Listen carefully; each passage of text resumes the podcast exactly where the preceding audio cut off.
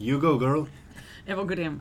Uh, dobrodošli v podkastu spletne postaje Metina Lista. Metin čaj je to, v njem pa pretresamo medije na stojen en način, kaj so trendi, kaj je dobro, kaj je slabo, kaj bi se dalo izboljšati in kaj bi bilo fajn odpraviti.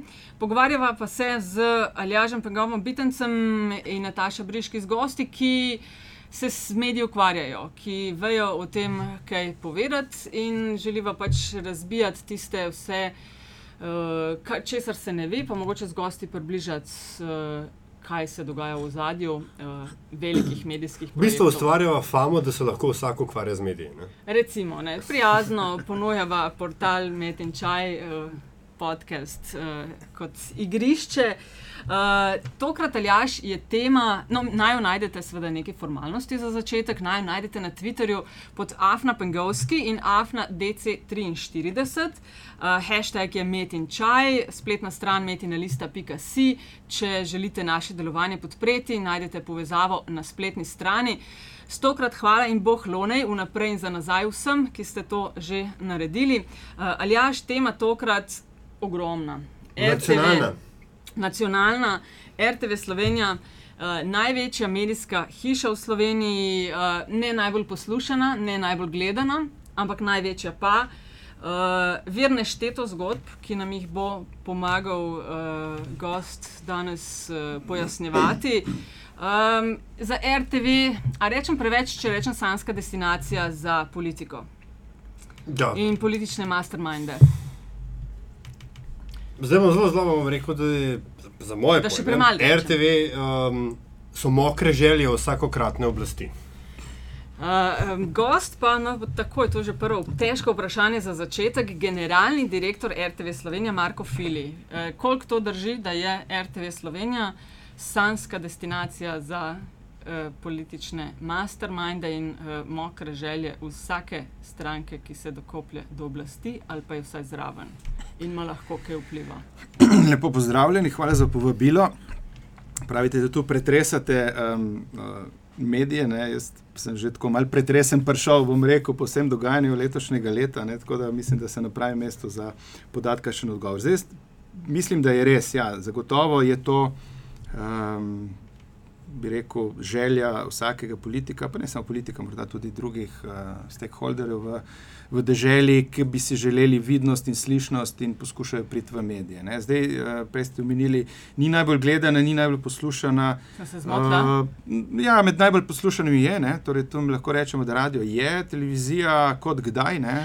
Znamo biti tudi najbolj gledani, ne pa seveda vsak dan, odvisno od vsebine je pa multimedijski uh, center, ki je pa tudi recimo uspešen. Ne? Tako da na nek način naš doseg je precej velik, ko združimo naše medije. Ne? In seveda pojaviti se v naših medijih uh, verjetno funkcionira, ne? verjetno da neke učinke, ker če ne, tega interesa ne bi bilo. Jaz samo mislim, da je zelo zmotna ideja, kako prideš v te medije, in ko vsi mislijo, da prideš uh, preko generalnega direktorja, se pač motijo. Ne? Eh, kaj je ovira do generalnega direktorja tako visoka, da je ne morejo preplezati? Ne, ovira je, eh, da generalnemu direktorju ne uspe v svoje programe plasirati to, kar bi hotel. Eh, večkrat sam ne more priti v lastne medije s svojimi sporočili in v tem smislu ne tisti, ki misli, da lahko generalni pokliče. V uredništvu, pa kaj naroči, ne, ta se zelo moti. Vsaj, vsaj, vsaj ne na RTV Sloveniji. Kakšen je to generalni direktor, ki ne ja. more tega narediti? Tak pravi. No, poskrbi, poskrbi, ne, generalni direktor poskrbi za pogoje dela, da neko vizijo razvoja programskega določi smernice, kako naj, naj se zavod razvija, bodi si tehnično, programsko in kadrovsko. Ne ampak nikako ne vpliva na posamezno vsebino, uh, daleč od tega, da bi lahko mi vplivali na goste v odmevih ali na kakšen intervju. Kot že povedano, uh, doskrat uh, generalni direktor pride v, mediji, v, v lastne medije, kadar naredi kaj narobe v luči svojih sodelavcev. No? Kul, Tako nekako. Ne. Koliko pa vendarle, koliko politična funkcija je funkcija generala na RTV? Politična je v toliko, da uh, je političen način uh, izbora članov programskega nadzornega sveta in da v tem smislu, seveda, hočeš nočeš. Če je neka večina na nek način lahko, bi rekel, politično homogena, potem se seveda lahko zgodi, da se tudi izbira generalnega direktorja politično na nek način homogena. Ne, če tako rečem. Ne. To pomeni, da uh, če ima ena politična opcija večino, potem seveda lahko v tem smislu naredi, kar hoče. Če ima to moč, da imenuje generalnih direktorjev in potem da tudi soglasje za direktorje radio in televizije na ta način, ne, potem seveda je to potem lahko politično motivirano. Jaz sem v tem smislu zadovoljen ravno s tem, kar se je pač nam letos zgodilo. Ne. Ko sta bila Partizan Dane in Partizan Laura v filmu Najoči Peter, ne, je Laura na neki točki vedno rekel, da je to mož politično. Ne. In zdaj, kako zelo pa potem uh, generalni direktor RTV politično deluje, tudi potem, ko je imenovan, da bodi si zelo um, grdo in, in podtakljivo rekel, uh, dobi še en mandat, bodi si doseže znotraj hiše, ki ima okrog 2000 in več uh, zaposlenih, da doseže svoje, da premakne kakšne stvari, uh, ker piramidalna struktura je verjetno bolj kot ne na papirju. Ne? Ete, medij je tako političen, kot so politični uh, njegovi rekel, operativni delavci, ne? novinari. Ne? Uh, in če se zgodi vpliv, se pač mora zgoditi preko novinarjev. Ne. To je tisti vpliv neposreden uh, na samo politiko ali pa neko usmerjenost programa. Ne. Dobro, nekaj mire, seveda uredniki, no, ampak mislim uredniki in novinari. Ne. Generalni direktor mora pa tako delovati, da bolj kot da deluje pro politiki, ne, da deluje na način, da se, tega, da se temu izogiba. Ne. To pomeni, da poskuša uh, delovati toliko javno, uh, transparentno in neopredeljeno, da se na nek način ne zamiri nobeni strani. Kajti, uh, zanimiv podatek je ta, da sem prvi generalni direktor, ki je dobil drugi mandat. To veliko verjetno pove o tej funkciji. Ne? In ko si ti generalni direktor, poskušajo uh, priti do tebe na način, da seveda narediš kakšno uslugo. Te usluge so zelo različne, ne pomeni samo prisotnost v programu. Ne? In seveda, ko ti začneš delati usluge nekomu, ne, potem seveda to balansiraš z uslugami komu drugemu, ne? in na koncu si polnenih uslug in, uh, in, in dolž, ali pa dolžan. No, uh, če če ja. tega ne počneš ne? uh, in, in če držiš neko določeno distanco do vseh, je to potem neka garancija, da ne boš tudi jutri začel delati teh uslug. Ne? In jaz mislim, da to, kar se je meni zgodilo, je ravno to. Ne? Nisem delal v službi nikomor in sem danes garancija, da jih jutri ne bom delal in da bom držal neko, neko sredinsko linijo. Mislite, da so vas zaradi tega ponovno izbrali, ker ne boste delali? Glede, uh, jaz sem uh, kompromisen kader ne? in ta koalicija, ki je nastala v programskem svetu, uh, ki ni zgolj taka, kot se zdaj nekateri prikazujejo, ki pravijo, da ja, je SDS pa SDS sklenil. To je koalicija v bistvu vseh strank razen ene. Uh, Eh, pa verskih skupnosti, menšinskih eh, predstavnikov. Skratka, eh, zelo pisana paleta svetnikov me je podprla. Ne? In jaz v nadaljevanju moram zelo paziti, da bom deloval absolutno neutralno, kajti takoj, ko zavijem z te sredinske poti, ne, bodi si s kadrovanjem ali z programi, z osebinami, ne, izgubim podporo lahko nekaterih. Ne. To pomeni, moram peljati zelo natančno, zelo uh, bi rekel, jasno sredinsko linijo in to je garancija za vsako stran, da ne bom zavil. Na drugo. Ure, zdaj sem mislil, sicer sem jim povedal več, kot sem vprašal, ker me ja, zanima. Ne, ne, sej, jaz ponavadi govorim preveč. Je super, ker, ker bi vas, verjetno bi vas tako drugač o tem sprašval. Ampak hočem za nekaj drugega vprašati. Vaša vloga, tudi po, oziroma vloga generalnega direktorja, tudi po imenovanju, seveda je, da vendarle pravite, drži distanco, hkrati pa mora imeti neko komunikacijo ja, s politiko, z oblastjo ali pa z, z, z odločevalci. S svetniki, Zdaj, svetniki, predvsem svetniki. V redu, ampak RTV Slovenija, recimo, da je zelo banalen primer, ampak, ampak uh, finančne potrebe RTV-ja vedno ne, presegajo.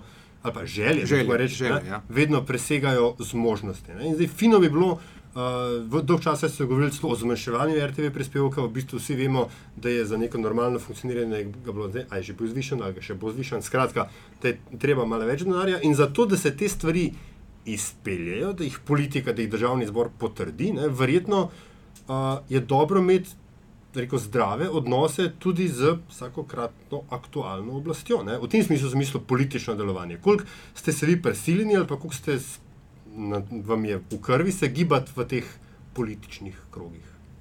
Jaz nimam tega backgrounda, ravno, da bi imel eh, v telefonu uh, telefonske številke politikov, ministrov, predsednikov strank, pa da bi jih lahko poklical, ko se Majo kaj dogaja. Vašo, ne?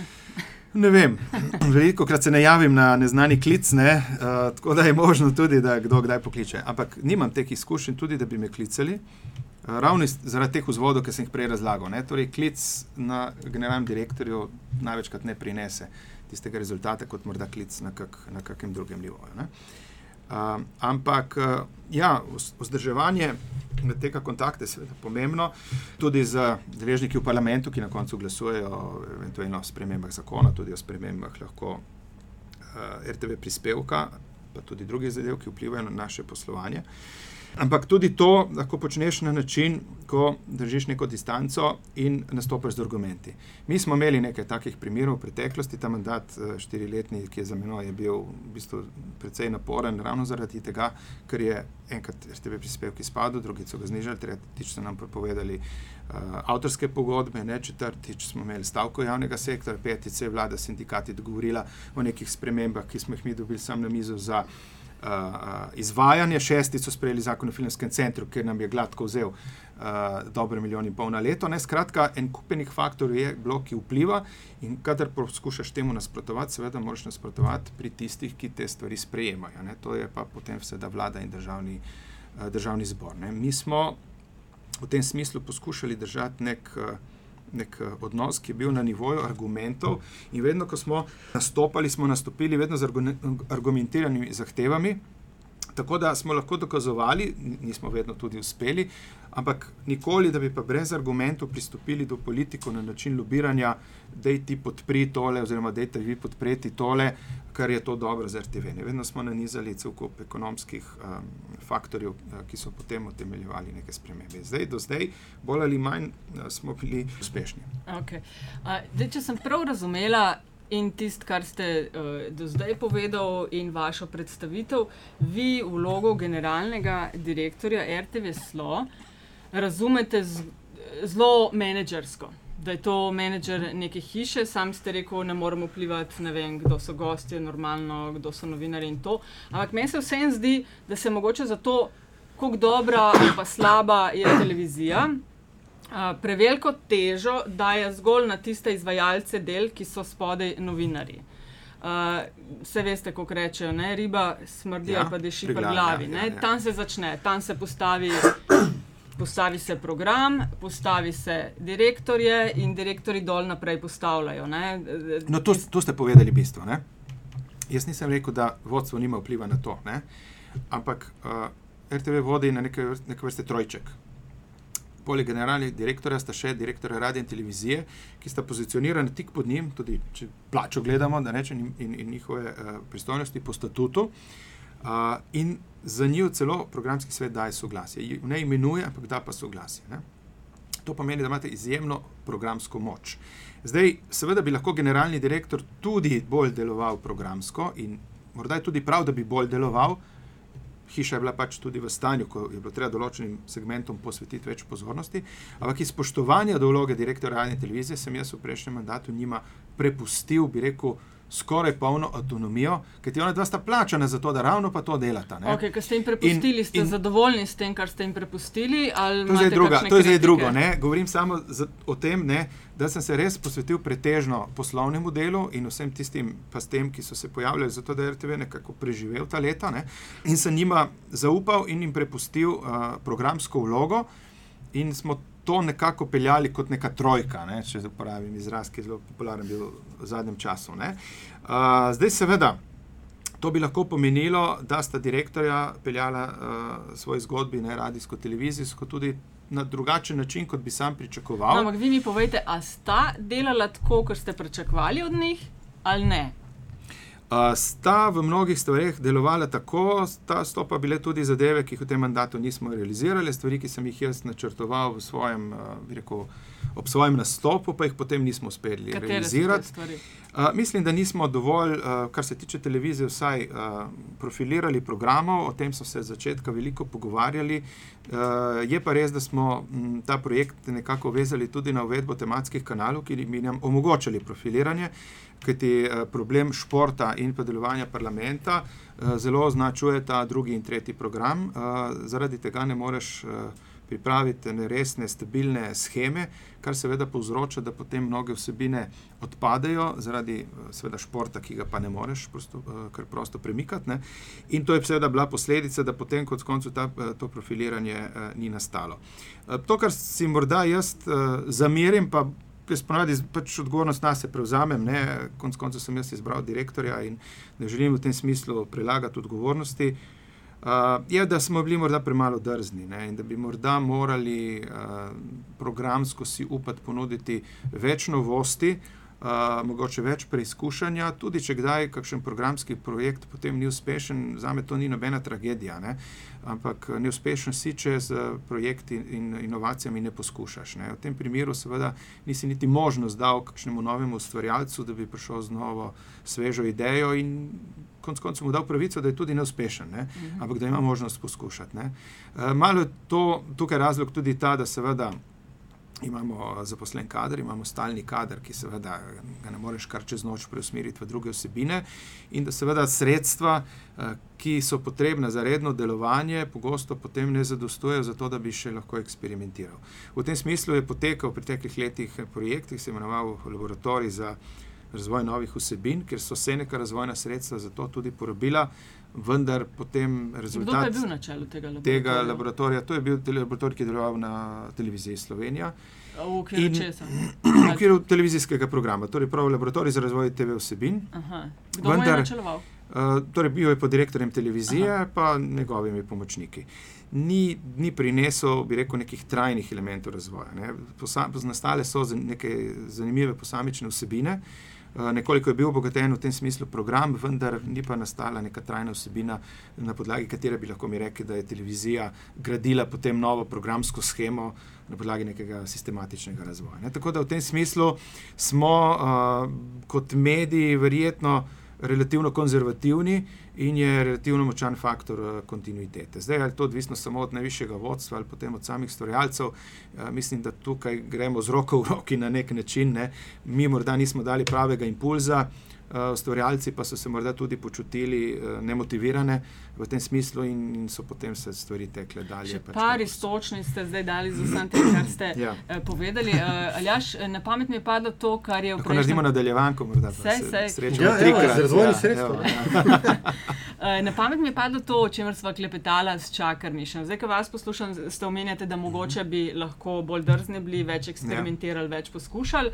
Eh, on je pa ravno to, eh, programski direktor PopTV-ja, eh, govoril o tem, da se zdi, da RTV eh, non-stop spremenja strategije, ne ve čisto dobro, kaj bi želela, kaj ne bi. Kako vi odgovarjate eh, na ta del? Ne, RTV ne spremenja strategije. Mi smo vse čas na isti liniji. Naš problem je, da moramo zadovoljiti toliko različnih interesov da enostavno uh, na koncu je program kompromis vsega tega. Ne? Mi moramo po eni strani biti gledani, poslušani, skratka, moramo poskrbeti, da imamo vsebine toliko atraktivne, da uh, naši gledalci, poslušalci ne preklopijo drugam, hkrati pa seveda moramo izpolnjevati poslanstvo, zaradi česar obstajamo. Moramo imeti dokumentarne filme, od, oddaje za otroke, moramo ponuditi vsebine prilagojene invalidom, eh, moramo poskrbeti za precejšnjo miro kulturnih vsebin. Nažalost je tako, ne, da seveda te vsebine ne naletijo potem na velik odziv. In uh, mi ne moremo zdaj reči, da smo neuspešni, ker si en koncert simfoničnega orkestra morda ogleda na televiziji samo 10 tisoč ljudi. Ne. To je na koncu koncev po eni strani velik uspeh, kajti če bi ti ljudje želeli uh, si to gledati v živo, bi morali vsaj desetkrat napolniti Cankarjev dom. Kdo ve, koliko ljudi je iz delov Slovenije, ki nikoli ne pride v Ljubljano, niti na šoping, bom rekel, kaj šele, da bi prišli morda v Cankarjev dom, v opero ali tako naprej. Tako da na nek način mi smo mediji, ki more v domove pripeljati vso to kulturo, in pa seveda ustvarjalnost in druge vsebine, hkrati se pa zavedamo, seveda, da to ne more dosegati nekih velikih številk. Ne. Hkrati seveda moramo imeti prihodke iz oglaševanja, s katerimi tudi dopolnjujemo sredstva, ki jih imamo na razpolago iz RTV prispevka in ko ti združijo vse te interese, pa da jim dodamo še mačarski program, italijanski program, programe za Rome, regionalne vsebine, za mejce. Skratka, je tega toliko, ne, da na koncu ta budžet, ki je sicer velik, ne, ko se to razporedi, nihče od, od ustvarjalcev nima pretirano veliko denarja na razpolago. In mi smo seveda kompromis med tem, kar moramo narediti, kar je prav, seveda, da naredimo, in tem, da pa moramo spravim temu ostati na prvih mestih daljinca. Okay, Kako pa odgovarjate, pa odgovarjate na to, uh, kaj čakar mi še rekel, da dokumentarci so pa tisto področje, ki vam ga nekako ne nameravajo vzeti, ker če vam še to vzamejo, vam pa res nič ne ostane. A jaz mu vračam žogico, uh, pa ga bom vprašal, če mi lahko našteje pet oddaj pop TV-ja. Uh, Še, vem, morda šest. Uh, kaj, če mi vzamemo uh, news, pa uh, reality, kaj pa njim potem ostane. Uh, mislim, da imamo mi toliko vsega, je pa res, ne, da se to zgubi, uh, če govorimo o televiziji na treh mrežah ali pa radio spet na štirih nacionalnih, dveh regionalnih. Mi imamo 15 programov ne, in vse to, kar mi ustvarjamo, se kakšenkrat. Tudi izgubil v množici. Ne. Tukaj je morda izziv za prihodnost, da bi znali tudi zelo dobre vsebine na tak način in v takem času ponuditi in jih tako spromovirati, da jih, uh, da jih naši pač odjemalci opazijo. Ne. Ne. Imamo tisto, da dosti krat enostavno kakšne stvari eh, ne opazijo, ne vedo, da sploh je uh, v, na programu, pa bi bila morda zelo dobra. Programsko popestritev. No, se, ravno to, omenili ste že kulturne vsebine, to je ta znana nacionalna kulturno poslanstvo in skrb za um, kulturno dediščino, izročilo, jezik, izročilo, jezik, itd. itd. Ja, ja, ja. um, ampak bolj vedno opažamo, po drugi strani pa pač ta m, čuveni prime time, ne, petek ob osmih. Ne, Uh, eden od nekih pa pač uh, je, se mislim, da je še vedno namenjen narodno zabavni ja, glasbi. Ja. Ampak tudi to je relativno, relativno um, no, ta klip slovenski zelo recent. Ne, se pravi, ene par let nazaj se je to, ta premik v narodno zabavno petek zvečer zgodil. Se, um, ampak ampak se, hoj, nočem ga kritizirati, ne hočem samo uh, uh, um, vprašati, kako de, čist na praktični ravni zgleda ta dihotomija ne, med popularnim, med um, se pravi. Poslanstvom, ki ne nujno, lahko pa tudi ne, prinaša, prinaša gledanost. Se mi zdi, da vsakič znova uh, je neka želja, da dajmo te kulturne vsebine bolj porint v gledanje termine, ampak na koncu se vedno nekako pride do tega nekam proti robu dneva. Ne? Ja, drži. Ne? Eh, v prime timeu so pretežno na drugem programu, če, če že so, na prvem bolj redko. Na prvem programu, kljub vsemu, poskušamo ohranjati nek ritem gledanosti uh, skozi vse teden. Zdaj vprašanje je, seveda, zakaj te in zakaj druge vsebine. Ne? Zakaj imamo narodno zabavno oddajo, zakaj imamo Formula 1, zakaj pa nimamo morda. Uh, lokalno tekmovanje v plavanju. Uh, kot sem prej rekel, ne, to je ta balans med tem, da ostajamo gledani, ne, da ostajamo nek player na medijskem trgu, da se ne marginaliziramo uh, ali getoiziramo. Ne, uh, tudi ideja, konc koncev, v tematskem kanalu uh, za področje kulture. Ima slabe plati, ne? tudi o tem smo se pogovarjali. Ne? Kaj, če ti vso kulturo daš na en kanal, ki ga potem nihče na, na kabelski TV oziroma na spremniku sploh ne najde. Ne? Kaj si s tem dosegel. Ne? Ali je bolje, da mi kulturo poskušamo med druge vsebine uriniti na ta način, da je dosegljiva ne, na prvem, drugem ali tretjem, ne? ali da jo porinemo nekam v stran. Ne? Zdaj, pravim, tam je pa tako, mi še vedno moramo zaslužiti nekaj denarja na, na oglaševalskem trgu, vsaj dokler ta pravila veljajo. Ne? Mi iz tega denarja potem konc koncev napolnimo žakelj, s katerim financiramo druge vsebine.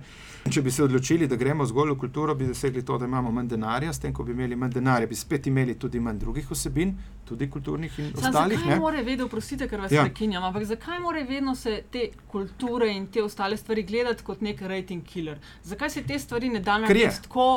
Manj, Ne vem, če je. Recimo, če gledamo znanstvene oddaje, veš, razni National Geographic, Animal Planet in podobno. Ne? Pri nas pa ne moramo ene sestaviti, ki bi bila gledana. Ki bi se na zanimiv način povedal, zakaj mora to vedno biti nekam proti koncu dneva, ker je treba zadovoljiti nekim odstotkom domače produkcije v nekih določenih terminih in zadovoljiti neke interesne skupine, ki jih hoče imeti. Uh -huh. uh, veš, gremo na to totalno nerazumevanje uh, uh, hoče imeti številko, ne pa kaj od tistega, kar je narejeno. Je. A kdo to pogleda za res ali noben? Ampak mi to delamo, ne se mi v prvem tajmu ravno na drugem programu ponujamo to alternativo. Ne? Mi ponujamo to. Torej, gledalci imajo možnost, da ne gledajo narodno zabavne dane, pa pogledajo na drugem programu o petkih ponovadi neko serijo. Nekaj določene kakovosti, tu je serija ali dokumentarni film. Borgan je bil super. Ampak zakaj, zakaj je potem ta drugi program uh, če gledam krivuljo gledanosti, potem opet zvečer raven, ne, ta oddaj pa gledane. Ne. Zakaj mi ob sredah, ponujemo res kakovostne filme, bodi si slovenske ali tuje, recimo ali evropske produkcije. In imamo to priznanje, da so to kakovostni filmi. Ne? Ampak zakaj po gledanosti zmaga holivudska limonada, bom rekel, na, na, na komercialki? Ne? Problem je, da mi ne moremo preoblikovati gledalcev, ki so v Sloveniji. Mi moramo dati možnost, da tisti, ki želijo, pogledajo ta alternativni program.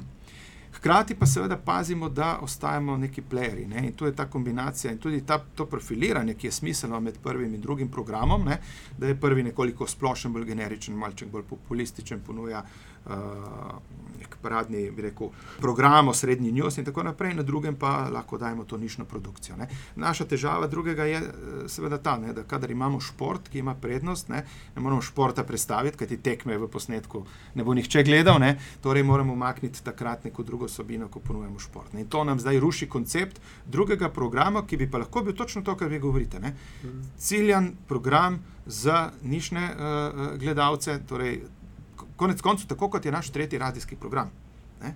Ampak kaj je rezultat tega, da imamo samostojen tretji uh, kulturno-umetniški program? Je to, da ima zgolj vem, uh, cirka 12 tisoč gledalcev, za razliko od 202, ki jih ima preko 200 tisoč. Lahko še zmenimo, kaj zmeti na listu, bomo ja, ja, ja, skupaj live streamali, še kakšnih par tisoč pomagamo zbrati. Ja, mi, smo imeli, mi smo imeli tukaj vdajo klasični glasbi v petek opoldne, recimo ja. v tem studiu. Ja. Tako da je bilo super. Če smo že pri uh, uh, kolega Culiberg, ki je delo, ne ta Culiberg, veš, ampak drugi. drugi. Um, In, in smo, Ampak, kaj, pomeni, kaj pomeni oddaja klasične glasbe? Uh, Ste imeli posnete klasične glasbe, uh, recenzijo, CD-ke, kaj vse, to? Vse to in potem še poljudno, uh, poljudno razlago, kaj recimo, da je v uh, zelo mi na pamet pride pr, uh, primer, ko je razlagal da je v operi vedno, kako že bariton je good guy in potem uh, bas je potem se skrega z basom, ja. za soprani in tako pač ne, na meta ravni. No, ja. ho, hočem, hočem samo reči, ne, da. da um, daleč tega, da bi se nas dajal za primer, ne? ampak verjetno se da. Pa, ampak, za, da. ampak zato je. Se mi to delamo, ne to... ste to imeli zadnjič ob 12, mi imamo to vsak dan. Ne? No, no, no. Hočem, reč, hočem samo reči, tukaj se spet navezujemo na moje osnovno vprašanje, ne? kako zelo težko, kako zelo da rešimo rekovajih zdaj, ne? politično, širše gledano, morate znotraj jih delovati, da se stvari vendar premaknejo. Ne? Ker inercija je največji sovražnik napredka. Ja, si, morda ste zadeli bistvo, ne? dosti več napora.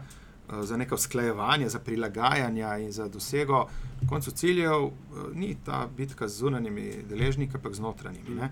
In uvajati spremembe v zavodu, kot je naš, ne, Eh, to je pač ta, kot pravimo, ne, ta prispodoba je zelo popularna. To je nek tanker ne, in ti krmilo zasučeš, ne, in ja, seveda čez nekaj časa on začne to eh, novo smer mm. ne, uh, spreminjati. Imate kakšno ceno? Uh, veste, upor ja. proti spremembam, to je nekaj splošnega pri ljudeh, to ni posebnost televizije Slovenije. Ne, ampak upor za spremembe v kolektivu, ki ima 30 ljudi, ne, morda uh, urediš tako, da jih uh, povabiš na srečanje in jih enostavno zbrifiraš z podatki, jih navdušiš nad zadevo. Ne? Jaz, kako naj zbrifiram 2500 ljudi, ne? imam neke elemente komunikacije, ki so dosti krat neučinkoviti, to je seveda pisna komunikacija preko maila, preko socialnih omrežij, ne? ampak na koncu ne morem priti do slehenega sodelavca in ga nad neko zadevo navdušiti. Ne? Potem se seveda pojavijo dezinformacije, ne? primer je ravno recimo ta naš news center, ki ne bi ga gradili. Ne? Okoli news centra je nek odpor, ampak zakaj odpor? Ker vsi novinari mislijo, da ko bom v news centru, bom pa se moral delati za radio, televizijo in multimedijo. Ne? Da vas ne prekinem, ker vsi ne vejo, zakaj ne. Ker vsi ne vejo, zakaj ne, ni pa nujno, ne? so tudi druge prednosti. Ok, idemo v dveh stavkih. Kaj ja. je projekt News Center? Projekt News Center je stavba na ulici Komenskega 5, to je med Kolodvorsko in stavbo, ki je že naša na Komenskega 7. Tam bomo zgradili uh, novo stavbo, ki bo imela tri nadstropja za News Desk in pa na vrhu uh, televizijski studio za informativne programe, vmes bo pa še en radijski studio za predvajanje radijskih programov. V tem news centru ali centru informativnih uh, programov bi uh, radi združili sodelavce informativnih programov, radio, televizije in multimedije, zato da sedijo skupaj, da izmenjujejo informacije, da koordinirajo delo predvsem pa, da, nastan, da tisti audiovizualni material, ki nastane, mm. je potem uporaben in uporabljen za vse naše medije. Ne? Zdaj to sodelovanje poteka na nivoju dobre volje med posamezniki, ki se poznajo, ko bo, ko bo pa dal primer zunanje politično uredništvo in vsi njegovi predstavniki, ko bodo sedeli za eno mizo in ko se bodo zjutraj dogovorili. Eh, kaj bodo delali, ne? bojo potem rekli, to bomo dali najprej na multimedijo, tole bo šlo pol na radio, zvečer za dnevnik podmeve bomo to še rešili s tako, tako podlogobitvijo. Zmeli se bojo koga, ker ga gosta bojo povabili in ta gost bo vedel, da je potem naredil vse, kar je moral narediti zdaj za radio televizijo Slovenija. Ne? Danes se pa zgodijo tudi primeri, ko uh, kličejo gosta v nebe, pravi, sem bil zjutraj na vašem tretjem programu, a se vi ne znate med sabo zmeniti. Mislim, po domače povedano. Mm.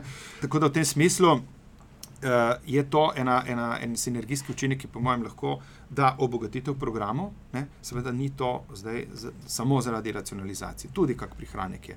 Ampak tisti denar, ki ga mi prihranimo, tako tako ne gre v naše žepe, ga nazaj vrnemo v program. To pomeni, vse, kar bo prihranjeno, bo še dodatno obogatitev programov. Imate vi kakšno oceno, kolikšen bi moral biti RTV prispevek, če v glasu ne bi bilo? Ja, uh, mislim, da bi šel gor za kakšna 2 evra. Samo. Samo.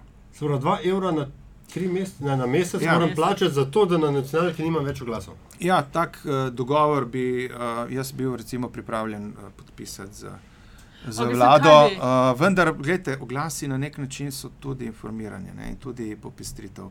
Če oglase, uh, če jih ni preveč, ne, če, nis, če ne prekinjajo programa, mislim, da oglasi niso tako moteč faktor, da bi jih mogli čisto izločiti. Okay, no, tu, tukaj, no, tukaj se ne strinjam. Kot, pač ja, kot človek, gledalec. Človek, ne, kot gledalec in človek, ki živi od oglasov. Ne, uh, in, oglas je tudi informiranje in obveščanje o kakšni novosti, o, o novi ponudbi. Mislim, na nek način program čist brez oglasov bi po, po mojem bil mal pust.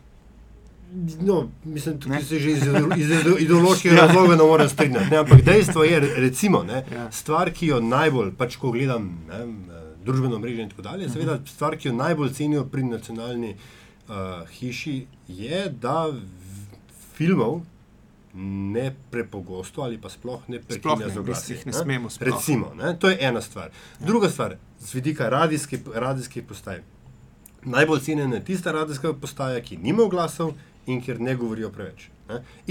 Hočem reči, da bi se dobro kaj bi se dal narediti za nacionalno hišo uh, brez oglasov, da sploh ne omenim BBC-ja, ki za, za no, britansko uh, območje nima, ne sme imeti oglasa. Vem, sam, ko delamo te primerjave, največkrat se govori o BBC-ju. Dajmo samo nekaj vedeti, ne? dajmo imeti samo dimenzijo slovenskega medijskega prostora. Ne? BBC ima proračun 7 milijard evrov Mi, za primerjavo, RTV ga ima 120 milijonov. Torej, mi smo verjetno kot eno uredništvo BBC ali pa niti ne. ne. V tem smislu hočem samo povedati, da uh, kadar delamo primerjave, moramo vedeti, pač, čim lahko razpolagajo in si verjetno oni pri tem denarju tudi. Privoščijo, da nimajo oglasov. Ampak, gledajte, vprašanje financiranja RTV je zelo preprosto. Jaz mislim, da tukaj ni vprašanje niti dviga prispevka ali ukinjanja oglasov. Gledajte, začetna debata o RTV-ju mora biti, in upam, da tokrat bo, uh, o tem, kaj naj RTV počne. Torej, kaj je javna služba, ki jo država Slovenija pričakuje od RTV Slovenije. Okay, ko, to, ampak koliko je stara RTV? Eh, dost. Več kot 50, zdaj bi želel vedeti, zakaj je na svetu. Ne, ne, govorim, ne, ne, ne, da RTV ne ve, da ne bo narobe uh, razumljeno. Zakon določa našo javno službo. In zakon pravi, da za to javno službo moramo tudi imeti javno financiranje. Mi lahko tudi spremenimo obseg javne službe. Povemo, da česa RTV ne bo delala več. Ne? In potem bo denarja dovolj. Hočem samo povedati, da dokler država ne reče, ukinite orkestre, ukinite regionalne vsebine, ukinite to ali to, Ne? Do takrat mi to moramo početi in zato pač potrebujemo nekaj sredstev. Ne, ne, to, to je ta ja relacija. To, to je super, ne, Tako da bi lahko, ja. seveda, tudi u, u, ne imeli oglasov, pa ne dvignili tebe prispevka. Ampak potem moramo reči, da teh 15 milijonov evrov prihranimo na ta način, da ukinemo za 15 milijonov evrov dejavnosti. To je vsa poanta. Meni je tudi to, da ima RTV ja. orkester, se mi zdi briljantno. Ne? Ja, jaz tudi mislim, da ampak, je to dodana vrednost. Hočem, ja. hočem samo to, pač fascinira me dejstvo, da bi. Uh, enkrat to pa bi bil pomemben premik v slovenskem medijskem prostoru. En velik medij, ne, nacionalni, ki zavestno ne bi imel glasov. Ja, in, lahko, samo, lahko. in da je cena, ki jo mora za to, bom rekel, naročnik električne energije plačati, pogojno rečeno samo 2 evra. Ne? Recimo, to se mi zdi stvar vredna premisleka. Je vredno, se okay, ne vem, če ne bi na ta račun, ker ne bi imela oglasov uh -huh. in ker bi dobila, ko bi seveda lobirala pri politiki, še tiste 3 evre, če ne bi še za tiste 3 evre še več političnega vpliva. Upreden. Še, še ena nevarnost je, gledajte, če smem, uh, še morate na to pomisliti. Ena, eden od motivatorjev za gledanost so glasje. Kaj če nacionalka na ta način ko ne bi potrebovala, ne bi potrebovala podatkov o gledanosti. Ne? Teoretič, bi teoretično svoje poslanstvo izpolnjevala. In kam, kam bi pa potem šli, ne? kaj če pa potem zaide v totalno abstrakcijo? Bi rekel, da bomo naredili tako prekrasne in odlične stvari, ki jih noben gledal. Ne? Eh, kaj smo s tem dosegli. Nacionalka tudi rabi neko merjenost, mi rabimo tudi nek, neko meritev. Ne. Ampak se to uh, lahko meritev je, delate, ja, to ne rabite. Lahko, glas, lahko ampak pravim, da malo potem lahko zaideš v, v nevarne vode. Sam, ne. Konec sam, koncu tudi tle, tam smo samo ljudje ne, in zadeve morajo biti pač. Uh, No, mislim, da ta, ta debata način, o potrebnosti oglasov in njihovi vlogi v programu bi bilo, bilo, bilo še posebej več narediti. Ja. No, hotel sem samo reči, to, to bi bil tudi pomemben prihranek pri programskem času. Ne. Stvari, ki pač ne vem, ene, ene dve uri, a pa eno uro na dan bi pa prešparal. Ja. Veš, to, ampak, ena, ena ura za nekaj. Ampak programski zbine. prostor, eh, oziroma pomankanje prostora, ni zdaj ravno naš sovražnik trenutno. Ne. Kot lahko vidite, glede na uh, količino ponovljenega programa. Kje se vam zdijo najbolj prepoznavne oddaje? Ampak govorimo stalno samo o televiziji. Ne? Ne, zdaj sem ja. imel v mislih Aha, okay. RTV. Najbolj okay. prepoznavne oddaje na vseh možnih vaših platformah. Tisto, kar ocenjujete kot, kar bi recimo, če uporabim jezik komercialne televizije, kaj je paradni kon? Jaz mislim, da paradni kon je še vedno uh, pri nas informativni program. Eh, na radiju sploh, mislim, da je tudi po ugledu zelo, zelo cenjen, eh, da velja za vredostojnega. In na informativni program radia redko dobimo uh, kakšne pritožbe, in mislim, da so dogodki odmevi neka oddaja, ki, ki je os, bi rekel, uh, vsega tega gibanja, okoli katerega se potem ostalo vrti. Seveda, potem so druge oddaje uh, zelo različnih vsebin, ampak na nek način za radio bi lahko rekel, da je ta srednja informativna oddaja uh, tisti trenutek, ko tudi morda marsikdo radio vključi namenoma, da bi to poslušal. Ne. Zdaj sem nekoliko kričen, verjetno do drugih posamičnih oddaj, ne, ampak če izpostavim eno, potem je to ta. Na televiziji so verjetno najbolj prepoznavni odmevi kot format, ki še vedno funkcionira, kljub konkurenci, ki je nastala in ohranja neko, neko kredibilnost. Pri dnevniku pa že ni več tako, kajti pri dnevniku vemo, da nam podatki kažejo, da se uh, gledalci ne obračajo več uh, toliko na nas, nekoč je veljalo, da je bila neka krizna situacija v državi, je takrat poskočila gledanje dnevnika, mogoče je danes tega nekoliko manj uh, in da so pa da imajo tudi uh, drugi mediji na nek način vredostojne. Ne mogoče, dajne, konkurenca vendar, zelo, no, zelo no, ja, tako, ja. tako. Ne, to, pravilno no, ste me popravili. Kriza, kriza je postala uh, normalno stanje, v tem je problem. Tudi to je res, tudi to je res. Ne, tako da odmevi so zagotovo prepoznavni. Uh, um, in tudi dosegajo še vedno dobre, dobre gledanosti, ne glede na to, kaj, kaj je na večinoma, ne glede na to, kaj je na ostalih postajah. Ne. Kaj pa slovenska kronika? Jaz sem blazno navdušen nad tem. Slovenska svetu. kronika je uh, odlična oddaja in jaz uh, v nadaljevanju dela predvsej računam ravno na regionalne vsebine. Uh, že v preteklosti smo se pogovarjali o regionalnem pasu, kjer bi združili tako programa regionalnih, naš, mislim, torej oddaje regionalnih programov naših, in pa da bi tudi sklenili nekaj zavezništv oziroma sodelovanj z drugimi postajami posebnega pomena po Sloveniji, da bi nekoliko bolj prisotni bili, naprimer. Tudi od enovo mesto in, in podobni. Torej, strukture, ki imajo tudi profesionalne ekipe, novinarje, uh, in tehnologijo, ki lahko ponudijo kakovostno storitev, da bi skupaj eh, bolje pokrili Slovenijo. Mi imamo seveda tudi dopisniško mrežo, vendar mislim, da s takim sodelovanjem lahko tudi veliko dosežemo. To je po moje ideje osebno sicer, je, da bi to bil lahko pas. Med dnevnikom in odmevi na tretjem, ki bi ga namenili kot en tako voden regionalni program. Uh, lahko so pa tukaj, seveda, tudi nijanse. Ne bi bilo to preveč vsega, en dnevnik uh, na regionalni. Morda bi bilo. No. No. Uh, morda bi bilo, gre tudi za vsebine, ki morda ne zanimajo vseh, ne, tako da bi morda se tudi tu zgodila kakšna parcelacija skozi teden, ne, uh, morda nimaš vsega vsak dan. Zagotovo pa najti en pas, v katerem bi združili vse to, kar regionalni centri ustvarjajo in to, kar dopisniki naredijo, in seveda potem še neko ojačitev tudi nekega ljubljanskega uredništva, kajti mi v bistvu regionalnega uh, uredništva za srednjo Slovenijo pa nimamo, ne, kar je uh, v bistvu ena posebnost. Ne. Uh, v tem smislu uh, bi, po mojem, na regionalnih vsebinah morali bolj graditi. In ravno dokaz je uh, ta slovenska kronika, ki je bila predstavljena iz 17. ure na 19.30 in jih doživlja hmm. odlične podatke. Dobro ja. in do, dobro, odlično gledanost. Pa, ful, mislim, tudi pristop je večkrat drugačen, več kreativen pri oblikovanju prispevkov in tako dalje. Všeč mi je, no, super. Hmm. Ponavadi uh, pozabim dnevnik prežgati, pa pa slovenska kronika. Veste, kaj zdaj, ko govorimo o teh sandvič programih in kako se stavljati, ene stvari pa ne razumem, ker zdaj je bilo to svetovno uh, prvenstvo v košarki. Mislim, da je bilo uh, med polfinalnimi tekmami, ne vem, če ste opazili. Kako se lahko zgodi, da je med polfinalnimi tekmami enega tako prvenstva, ki vse en košarka je, eden bolj priljubljenih športov pri nas, vmes ni nobenega programa, vmes mislim, da so se zavrteli neki glasbeni spoti, ki so tako, kot pa smo kegle padli. Tja. Ja, uh, mislim, da je šlo za eno povezovanje športa in kulture v smislu, da se približa uh, tudi špansko kulturo nekoliko uh, pač našim gledalcem in da so poskušali pač ta umestni del popestriti na ta, na ta način. Uh, koliko, koliko vem, analizirati tekmo, ja, čas ni, kdo je torej, dober, kdo ni. Ideja ni naletela na najboljši odziv, vendar recimo. Recimo, da je bil to eden od tistih poskusov, o katerih sem prej govoril. ja, dosti se poskuša, no, tako bom rekla. Dosti se poskuša uh, že kar nekaj časa. Mogoče je to rezultiralo v slabši gledanosti, v, v mogoče nekem nezadovoljstvu ljudi, ki čutijo, da ker dajejo ta denar vsak mesec, da bi mogoče bili, uh, kaj zvem, da si zaslužijo več. No, zagotovo so pričakovanja zelo različna. Vsak, ki plača prispevek, pričakuje tisto, kar njega zanima.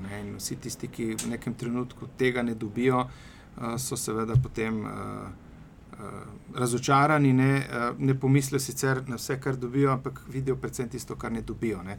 Zdaj, to, temu je zelo težko podati en, en racionalen odgovor. Ne. Jaz lahko samo povem, da ustvarimo ogromno, ne, da z budžetom, ki ga imamo, tudi v primerjavi z drugimi evropskimi uh, radiotelevizijami, mi v bistvu z relativno malo denarja ogromno ustvarimo. Verjetno je pa zaradi tega tudi kaj malo bolj osiremašeno, manj imamo igranega programa, ki je zelo drag, ne manj tudi dokumentarnega.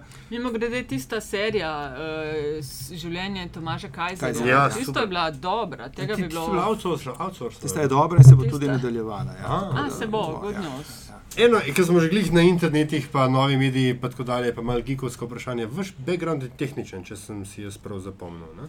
Um, Pazi to, še to, da ti dodam, tega tudi jaz nisem vedela. Vi ste bil, gospod Fili, eh, pionir zasebnega radia v začetku 90-ih. Ja, jaz sem ustanovitelj Radia Morje, ki je bil eden od prvih uh eh, -huh. Mhm. zasebnih radijskih postaj ja, v ja. Sloveniji. Ja. Takrat je bil Radio Alfa, mislim, da je bil v Sloveniji Gracu in mi na, v Izoli. Pa poslovnevali bi pol, malo kasneje v Ljubljani. Pa, vse, pol, ja, vse je bilo pol kasneje. Ja, ja. No, mi, mi, smo celo, mi smo celo to dosegli, uh, da so nas zaprli. Ja? Uh, torej, inšpektor takrat, uh, Republike uprave za telekomunikacije je takrat prišel ugasniti oddajnik. Ni bilo toliko protestov, zara, ravno zaradi te posebne vloge nekega novega radia, ki, ki je spremenil medijsko krajino. Ne, je potem bilo toliko protestov, da so, smo, so nam hitro dali začasno dovoljenje in potem se je začela v bistvu počasi legalizacija. Se je že nadelo, da ste bili v zaporu, prav, ker ste začeli, da so vas zaprli. Sem mislil, prav fizično ne še. v zaporu. Ne še. C, c, c, pritisk ulice pa to, ne? In grede, ne? Kako pa na pritisk ulice uh, gledate tedni? Hanzi TV. Glede, malo je žaljivo, ne, to, kar se dogaja do nas. Mislim, da si tega ne zaslužimo, sploh pač, da ti to le tako nadime, ki je posebno upravičeno. Ampak jaz razumem tudi to kot del tistega nezadovoljstva s tistimi plačniki, te prispevke, ki morda ne dobijo tega, kar hočejo. Um, dogaja se nam tudi kak protest pred vhodom. Jaz sem se enkrat na to celo odzval, šel sem sprejet pismo, ki mi je bilo vročeno uh, in se pač ljudno temu zahvalil. Mislim, da je treba pač protestom prisluhniti, potem pa vseeno ravnati tako, kot misliš, da je prav in v skladu z nekimi standardi. Tako, torej, ne podlegati pritiskom ulice samo zato, ker so pritiski. Če imajo argumente prav, ne, tako kot poskušam sam delovati, pričakujem, da drugi delujejo, ne, da če imajo argumente in seveda prisluš, prisluhneš in morda celo godiš, če pa pač ni argumentov, potem ne moreš samo zaradi sile uh, neče, pred nečem kloniti. Ne. Super, ampak zdaj pa nazaj na Gike. Gremo uh, nazaj na ja. ja. Um, Nacionalka je bila v času, ko je bil internet v povojih lider na tem področju. Marko hmm. Prpič je postavil prve strežnike za streamanje, uh, uh, licenca za 800 hkratnih poslušalcev je bila pasja draga. Uh, a ste še lider na tehničnem področju? Ne vem, če smo lider, ampak mislim, da nudimo vse tisto, kar nudijo pač medijski servisi danes. Ne? Ponujemo, uh, imamo svojo aplikacijo, ki smo jo razvili za. Uh, nove medije, ne, torej za tablice in ne, telefone. 4D aplikacija je zelo uspešna. Zdaj ne me vprašati, koliko downloadov ima, ampak kolikor vem, se zelo splošno. No, in, zato ste dobili evropske sredstva. Tudi, dobili smo celo ena sredstva, da smo to naredili.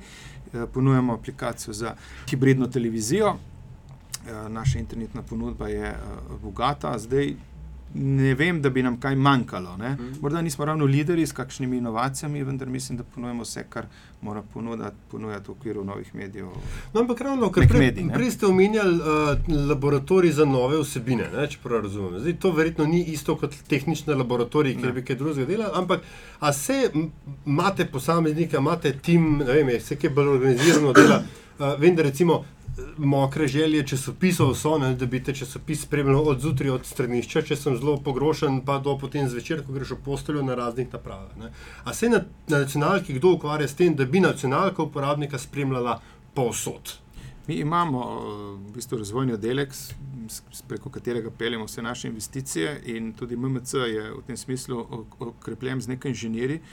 Eh, nekaj naredimo sami, nekaj naročamo zunaj izvajalcem, programerjem. Trenutno delamo tudi dva projekta z fakulteto za elektrotehniko, iz katere bodo nastale neke interaktivne aplikacije, kjer bo lahko uh, na nek določen način eh, gledalec lahko izbiral in pa, in pa tudi interaktivno deloval z našimi programi. Ne, skratka, uh, sinhronizirano imeti aplikacijo uh mhm, -huh. na mhm. pametnih telefonih, tablicah in pa predvajanjem linearnim programom. Ne. Uh, tudi 4D, seveda, je nastajal skupaj z unimi partnerji. Skratka, zelo skrbimo za razvoj. Uh, in tudi, kar se tiče razvoja na radiju in televiziji, je praktično vse naš inženiring. Da, kar se tega tiče, imamo mi to dosti dobro urejeno. Ker mi prenavljamo študije in, in, in peljemo investicije, je to plod našega znanja. No, tako bom rekel. Samo, samo reportažna vozila so zdaj prišla na ključ narejena, ki je za specifiko, bi rekel, izgradnje takega uh, dragega in izjemno zapletenega sklopa, drugače pa glavni sami izpeljemo zadeve. Je pa res, ja, letos smo prenovili še zadnjo TV režijo na HD, to je režija 3, tako da zdaj tudi dnevnik in vse informativne daje grejo v HD, praktično je vsa produkcija zdaj v HD, skoraj vsa produkcija. Um, prehod na digitalno televizijsko, ne pravi na DVB-T ste, ste preživeli. Ne? Uh, ne samo preživeli, v bistvu smo ga izpeljali na mesto države. No. Ker je takrat država na nek način bila pasivna, pa smo mogli sami takrat postaviti 14 dni, vse narediti. Ne, ne, ne, delalo se je, planiralo se je dolgo časa, ampak potem tisti preklop je bil ja, naenkrat. S 1. decembrom 2010. Zdaj se pa nekaj slišim, da ne bi se tudi DAB končno uh, zaživel več kot samo na papirju. Mi smo že več, uh, večkrat dali pobudo, mislim, da je ne dve leti se že nekako uh, pogovarjamo z bivšim APEC-om, zdaj AKOS-om, uh, da bi dal razpis za frekvence. Uh, kakšne so ovire, zdaj točno tu ne vem. Mislim, da je frekvenčni pas DOB sproščen. Vem, da se oni pogovarjajo tudi z zasebnimi. Uh, interesenti za DAB, jaz računam, da bi to v prihodnem letu moralo zaživeti, ker to je res skrajni čas, da se tudi Slovenija poda na, na to pot. Mi imamo sredstva rezervirana v ta namen, da bi gradili mrežo DAB, v katero bi vključili vse naše programe, pa še verjetno kak tematski program bi našel prostor, kot naprimer Šport 202, ki je ta trenutek samo na internetu, bi lahko naprimer potem bil dostopen vsem preko. Tega omrežja. Je pa tukaj problem sprejemnikov, ne? problem uvajanja nove tehnologije, ni toliko problem oddajnikov, kot sprejemnikov.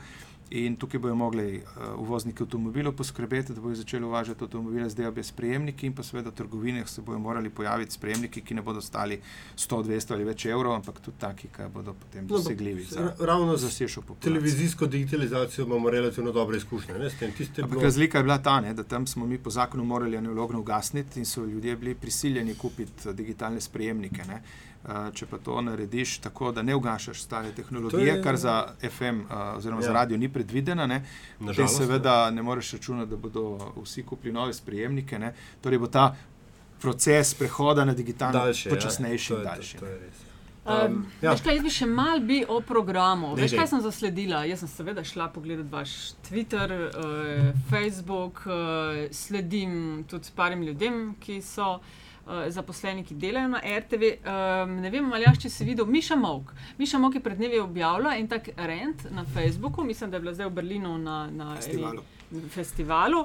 In v tistem tekstu je pravzaprav zelo konkretno govorila o tem, da na kratko je šel podan v, v sistem in uh, ideje in to, kaj narediti z zabavnim programom uh, na RTV razvedrili program televizije Slovenija, ne, je bil v bistvu na nek način v neki uh, kadrovski krizi, v tem smislu, da enostavno ni bil imenovan odgovorni urednik, ko je uh, kolegu Petru Radoviču potekel mandat, uh, ki bi zagrabil vse zadeve in pelal naprej. Vedejstva niso uh, zelo koristna za razvoj in vemo, da vsakdo, ki je vede, seveda upravlja takoče posle, vendar na nek način uh, neke vizije za naprej pa ne more ravno graditi. Uh, mislim, da smo ta problem zelo dobro rešili spomladi letos, ko smo na to mesto imenovali Marija Galovniča. On zdaj preiskuje pač trg formatov, išče najbolj primerne formate za nacionalko. Mi želimo postaviti razvedrilo na nove temelje, da bo uh, seveda zelo gledano, ne, da bomo se približali širši publiki, delno tudi seveda nekemu družinskemu formatu. Ne. A, vendar mu moramo dati nekaj časa, a, mislim, da bo to vidno, predvsem po, po novem letu. Mm, no, letos, uh, ravno takrat, ko je Galonič nekje bil nastavljen, se je tudi odvijala ta velika bitka, ki je tudi Metin Čaj mm. zalažen svoje spremljala. Pridem greva na ja. češnjico na torti, sam še to. No. Omenili ste. Ni že, že zmanjkalo časa. Ni. Čas je relativen, čas kosila toliko bolj. Ja, ja? Omenili ste uh, um, Tomaža Kajzera, ki bo dobil še nova življenja. Ja. Um, kaj pa kakšne druge? Ima igrani program tako na splošno, kakšno strategijo? Ja, ima kar nekaj, nekaj projektov v planu, zdaj seveda nekoliko manj, kot bi jih želel imeti, tudi na račun tega, ker financiramo kinematografske projekte in seveda del denarja namenimo pač tem projektom. Deloma je zelo težko napovedati tudi, kaj bo, kaj ti veliko del damo delati preko javnih razpisov in to pomeni, da seveda potem šele veš, kaj so producenti, scenaristi uh, sploh pripravili novega. Trg je žal precej majhen v Sloveniji in veliko krat se nam zgodi tudi, da na razpisu zbiramo uh, Da ne moramo izbrati najbolj kakovostno, oziroma da manj pač slabega od slabih. Na nek način, ne, tudi to se dogaja. Uh, Tukaj v tem smislu bi morali spodbuditi uh, avtorje, da nekoliko več ustvarjajo, ali pa morda, da, da se tukaj vloži več truda. Ne. Drugače pa imajo v, v planu nekaj celovečernih filmov, nekaj zgodovinskih zadev. Tako, mislim, da je uh, paleta uh, ponudbe, ki se obeta, uh, precejšna za prihodnje leto. Je pa res, da smo v fazi sprejemanja plana, da bomo zdaj šele na programskem svetu govorili o osnutku, ne, tako da kaj se iz tega še lahko rodi. Uh, Težko napovedati. Prva seja bo zdaj konec septembra, potem pa se nekako končni plan da do konca oktobra. Je programski svet sploh zdaj v polni postavi, koliko ljudi manjka? Trenutno ima 24 članov, 5 članov Pet pa manjka. manjka. Ja se dogaja na tem področju? Uh, ne vem, eh, torej svet delavcev, uh, ki morajo razpisati volitve, mislim, da bo to naredil v, v sredo uh, na svoji seji. In te interne volitve bodo nekje sredi novembra, tako da do konca novembra bomo že imeli notranje člane. Kdaj bo pa parlament odločal o članih iz parlamenta, pa ne bi znal povedati. En razpis za enega člana je bil končan julija, drugi. Uh, in talje med strankami, ki morajo predlagati kandidate 12. septembra. Tako da jaz računam, da bo zdaj verjetno v kratkem mandatna volilna komisija o tem govorila, pa verjetno predlagala. Mm -hmm.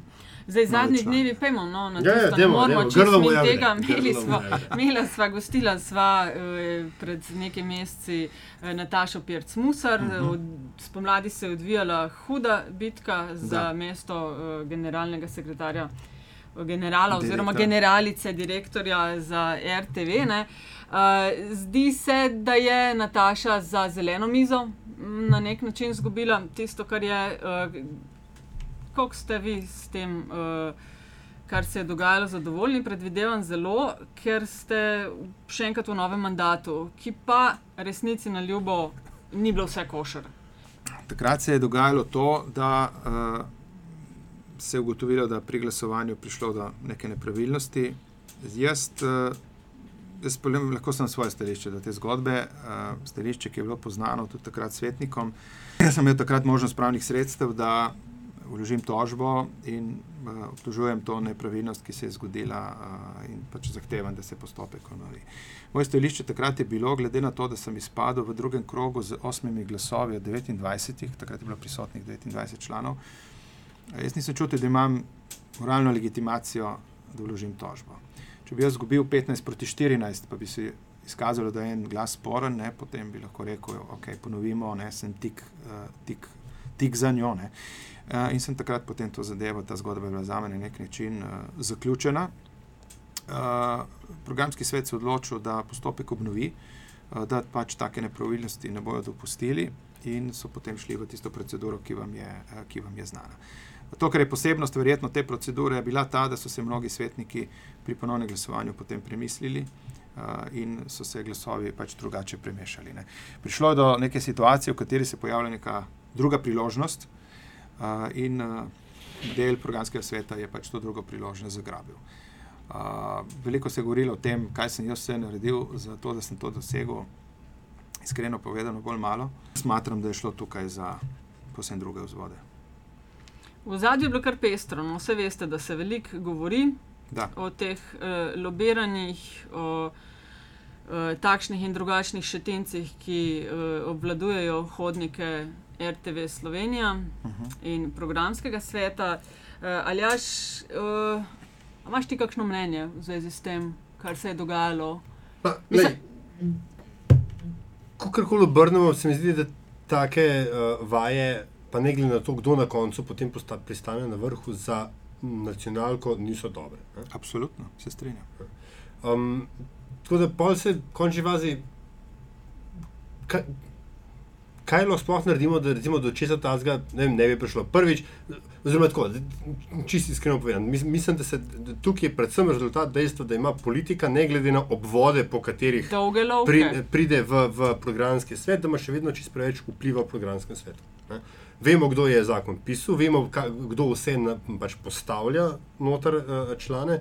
Tudi to, da so razne civilno-družbene skupine včasih zgolj samo plan B za to ali ono politično opcijo. Ampak, gledajte, jaz zdaj seveda ne bi rad izpadel naiven, ko, ko bom zdaj to rekel, ampak jaz zdaj ne vem, koliko in pri katerih svetnikih je to bil dejansko vpliv stranke in politike. Se, jaz vem za mnoge svetnike, ki so se odločili sami iz svojih prepričanj, ne glede na to, ali je neka stranka to podpirala ali ne. Ne, ne govorim za vse in ne morem dati za nikogar oko ogen, ampak vem, da so se mnogi odločili tako, da so mnogi temeljili to tudi na upravljenem delu. Konec koncev sem prihajal iz prvega mandata in sem imel nekaj za pokazati. Ne.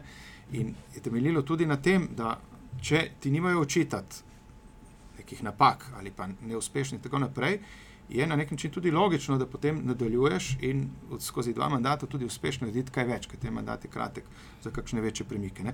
Tako da mnogi svetniki so samostojno o tem odločali in jaz ne verjamem, da je tukaj samo politika odločala.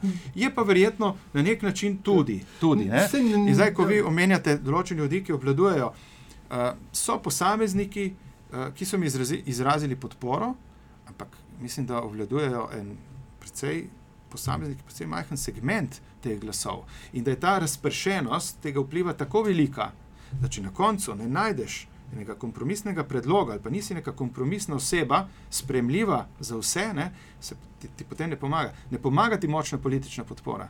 Ker ti močna politična podpora pomeni, da je močan odpor na drugi strani. To, to je tisto, kar sem poskušal na začetku povedati. Ne? Meni je pomagala ne močna politična podpora, močna politična odsotnost. In, in, to, in to me je naredilo kot sprejemljivega kandidata za vse tiste skeptike, ki se, bo, ki se lahko bojijo, kaj bo, ta, kaj bo pa naredil, ko bomo dali. No, sej, ne, ravno to. Jaz ne trdim, da recimo, in jaz to, kar je bilo definirano kot, kot gnili kompromis, pač jaz jemljem to kot prednost. Jaz to vidim z drugega zornega no, kota. Hlebi se, mislim, lahko se z vami v mehanizmu, ki je bil na delu, strinjam. Zdaj, kako je pa se dogajalo, ja. pa koliko je bilo nekih mm. okoliščin, ki so se ne. zgodile, skoraj da neverjetnih. Ne, zdaj, Jaz mislim, glede. da tukaj težko govorimo, o, težko sem, govorimo o teoriji zarote. Dobil sem celo predlog, sem, ja. sem dobil celo en predlog, vsake dajte vi to zapisati v scenarij, pa naredite nadaljevanko, ker to bi pa verjetno bila zadeva, ki bi bila zelo zanimiva. Ne, pred 11. začeli objavljati. ja. Ampak ne, veš, ne. jaz ne verjamem v teorije zarote. Pač, um, dovolj vendarle to politično eh, spremljam, da očitno je, da so bile, bom rekel, tudi na strankarski ravni določene koalicije narejene. Ne rečem pa, da so prevladale. Ne? To, če morate vi reči, da, da so bili. Um, da so, ne, niso, ne? Da so bili, so bili neuspešni. Da so bili nekateri, da so imeli uh, pomisle, oziroma da so imeli drugo priložnost, ki so jo izkoristili. Tisto, kar mene, zdaj kot nekega informiranega gledalca, uh mhm. -huh. mogoče ali, ali, pa, ali pa človeka, ki se je s tem poslom prejula pogojno rečeno, skrbi. Ne? Kaj pa, če so oni glasovali za status quo? Ja, v kakšnem smislu? Ja, sami ste rekli, da ste očitno kompromisen kandidat. To, kar so ja. drugi vam učitali kot slabost, vi sami jemljete kot svojo uh, prednost. Uh, program, ki ga je imela Nataša Pirsmusar, pustimo dobro ali slab, ampak je bil radikalno drugačen od zastavljenega. V čem? V um, prvič samem pristopu. Ne? Ona je naprej napovedala, da, je šla, da, da se misli do neke mere celo micromanagement.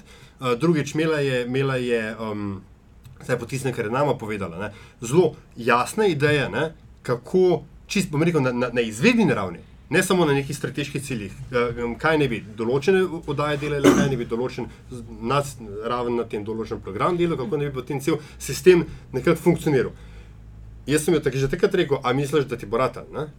Ampak hočem reči, njen pristop, tudi pristop, ne samo program, je radikalno drugačen od vašega. Zdaj, seveda, vprašanje, ne, mogoče ni ne za vas, ampak za svetnike je, ali se niso odločili samo za znano, zato ker jim je tako, ker je to, to z njihov, z, znotraj njihovega comfort zona. Ne? Ok, spremem to tezo, ne? ampak pa vas vprašam, ali je pa sedajni stanje slabo? Ali mora biti sprememba samo zato, da pride do spremembe, ali pride do spremembe s ciljem? Jaz bi rad videl cilje te spremembe. Potem pa je rekel, da ja, je nujna sprememba s temi cilji. Ne? Ampak tisti, ki je uh, uh, govoril o tem, da je glas za me, glas za status quo, je v bistvu tudi moto, ker sem mu naprej napovedal, če jaz ostanem, ostane ista ekipa. In bom pre pregledal vsako področje, vsake osebe, ki je delala z menoj in se odločila, ali bo nadaljevala ali ne. In dejansko danes imamo zaključen razpis za direktora radia, imamo eh, prečasni odstop direktora no, televizije. No, to, povejte, ja. Gledajte, to, so, to, to, to so dokazi, da uh, se spremembe bojo dogajale, kljub temu, da sem jaz ostal. Je direktor TV odstopil, ker je hotel, ker je moral? Ker je hotel. Ker je hotel se umakniti in predati. V bistvu zadnje štiri mesece bi samo še realiziral uh, nekaj, kar bo zdaj postavljeno v jeseni. Eh, hotel je predati eh, čim prej posle novemu direktorju, ki mora začeti realizirati poslovni načrt in mora imeti možnost tudi, da še nam kaj vpliva, ker če ne prvo leto njegovega mandata zgubljeno. In drugič, zdaj nam potečajo po novem letu mandati odgovornih urednikov. In bilo je nelogično, da stari direktor televizije imenuje nove odgovorne urednike, potem pa marca dobimo novega direktorja televizije. In zato smo enostavno uh, se o tem seveda pogovorili in se je umaknil, zato da bo to teklo po nekem vrstnem redu. Generalni direktor, direktor televizije. Okay, koga boste zdaj morate nastaviti oziroma imenovati uh, programskega uh, direktora televizije in direktora radia? Že imate kakšen ožji krok, mogoče točno ime? Imam tri imena zdaj, ki so se prijavila na. Uh, mest, za mesto direktora radia, še danes bom pravil prve pogovore, ker moram ponedeljek to predlagati. Ampak do 10. oktobra je čas za prijavo, ne? za televizijo. Za, TV. za, za radio je bilo okay. pa včeraj. Ja, okay. uh, tako da za tri kandidate za, za radio, uh, tri bistvu nova imena, med katerimi bom izbral, so trije sedajni odgovorni uredniki radijskih programov. Kar povete, kje je? Ja, se mislim, da je javno že bila obveščena, tako da načeloma ne bi smela, ampak ker je bila javno že o tem obveščena, to so Andrej Šavko, uh, Mirko Štular in pa Matej Venjar. Uh, oni so se prijavili, z njimi sem zdaj pogovoril uh, in enega od njih izbral. Za televizijo je pa danes še razpis objavljen, rok je 10. oktober, kot ste rekli.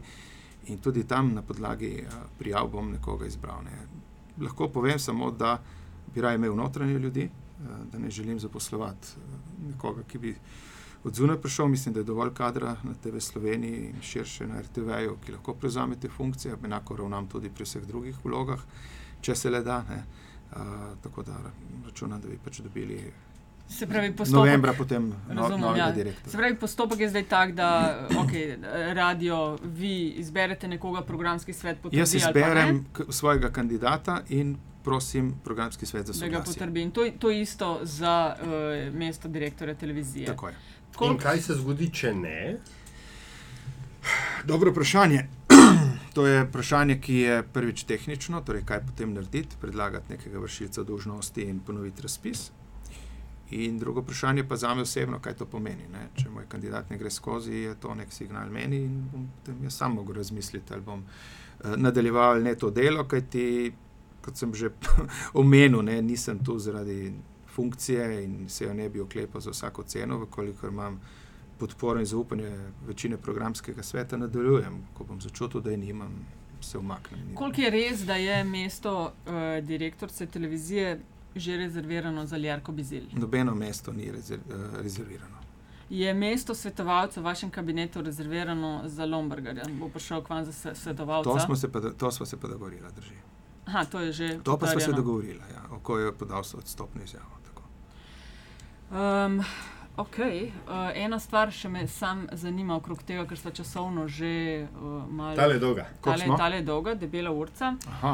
Ampak ne, je veliko stvari, to je velika hiša. Sem rekel, je... drugo, dru, nadaljevanje naslednjič. Koliko boste, a, a nameravate kaj od teh uh, programov, recimo od programa Nataše Pirc, uh, uporabiti v vaši novi strategiji naslednja štiri leta? Ker recimo vi ste, če ti, veš, ti si Aljaš govoril, koliko je Nataša v svojih, uh, tudi pri nama, zelo programsko in micromanagement, vi zelo poudarjate, da je v bistvu generalni menedžerska bolj funkcija. Ne?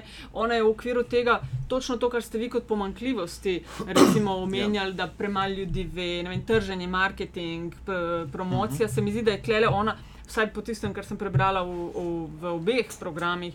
Posvetla večjo pozornost kot uh mhm. -huh. ste vi. A je, boste kaj vzeli z njega? Jaz programa? sem tudi v programu dejansko posvetil več pozornosti nekim načelnim eh, zadevam, pa, pa uh, poslovnemu delu, nekoliko manj programu, ravno to, zato, ker sem računal, da se bomo o programskem razvoju bolj pogovarjali, ko bo na vrsti imenovanje direktora radio in televizije.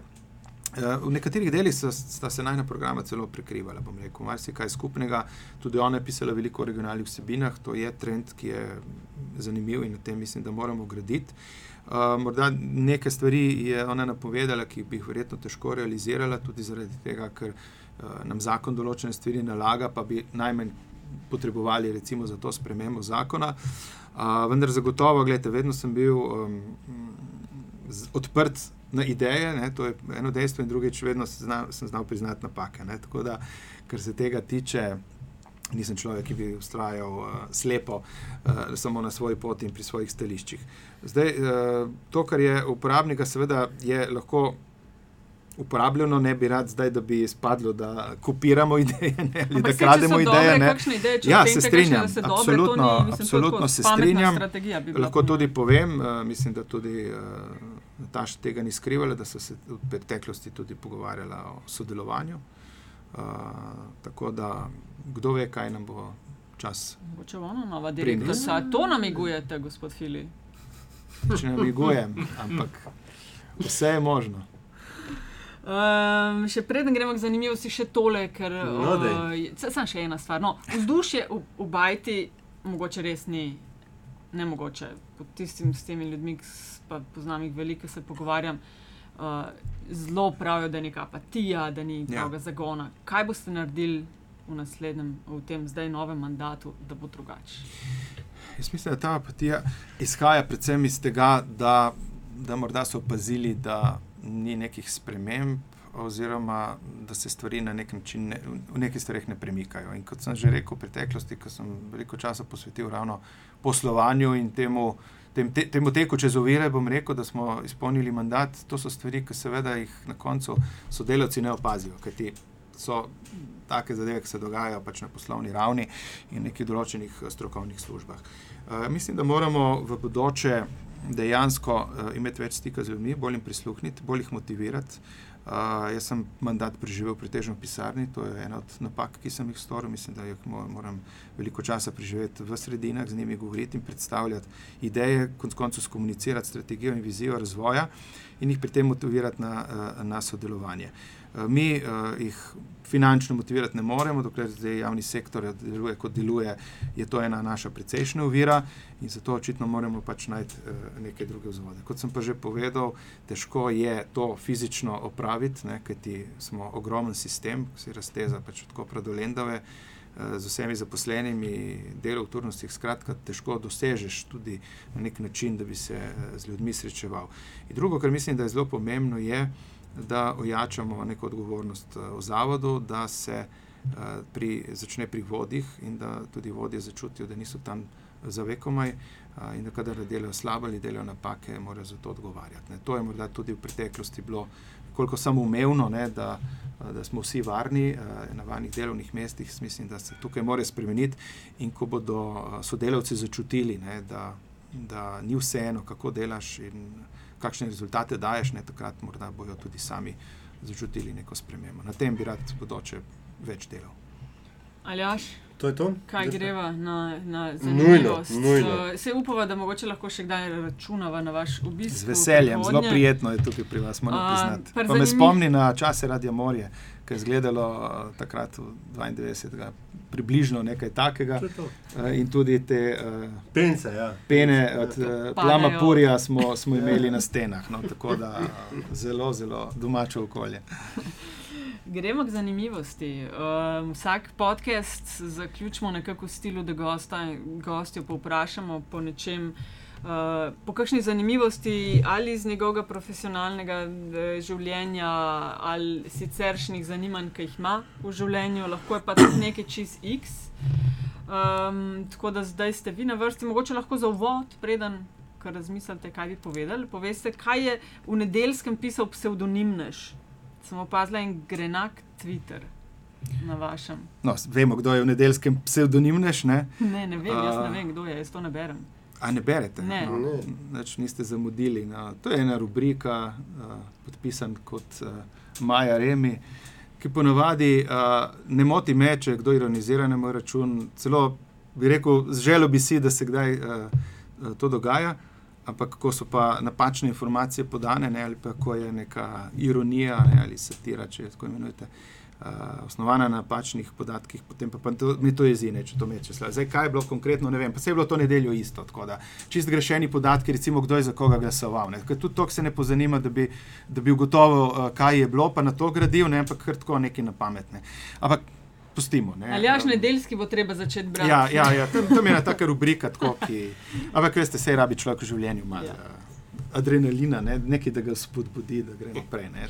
Tudi to je lahko. Okay, no, uvod v ja, uh, kakšne posebne, jaz imam spomin, da kakšne stvari tudi pozabim. Ampak mogoče sem hotel meni sam tako, kako sem jaz uh, začel. Ne? Namreč zanimivo je bilo to, da sem jaz 25. maja, ko sem je letos iztekel mandat, to je bilo točno 30 let, odkar sem začel delati uh, na RTV. In to je bil prvi letnik srednje šole, uh, ko so iskali sodelavce za mladinsko dajo. In mi smo se ukvarjali malo s tehniko, zvočeni, šolski ples in te stvari.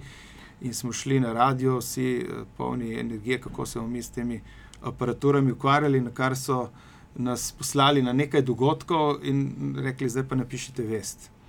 Mi smo se vrnili potem na radio, oddali napisan tekst, ne, kar so nas novinari pogledali takrat.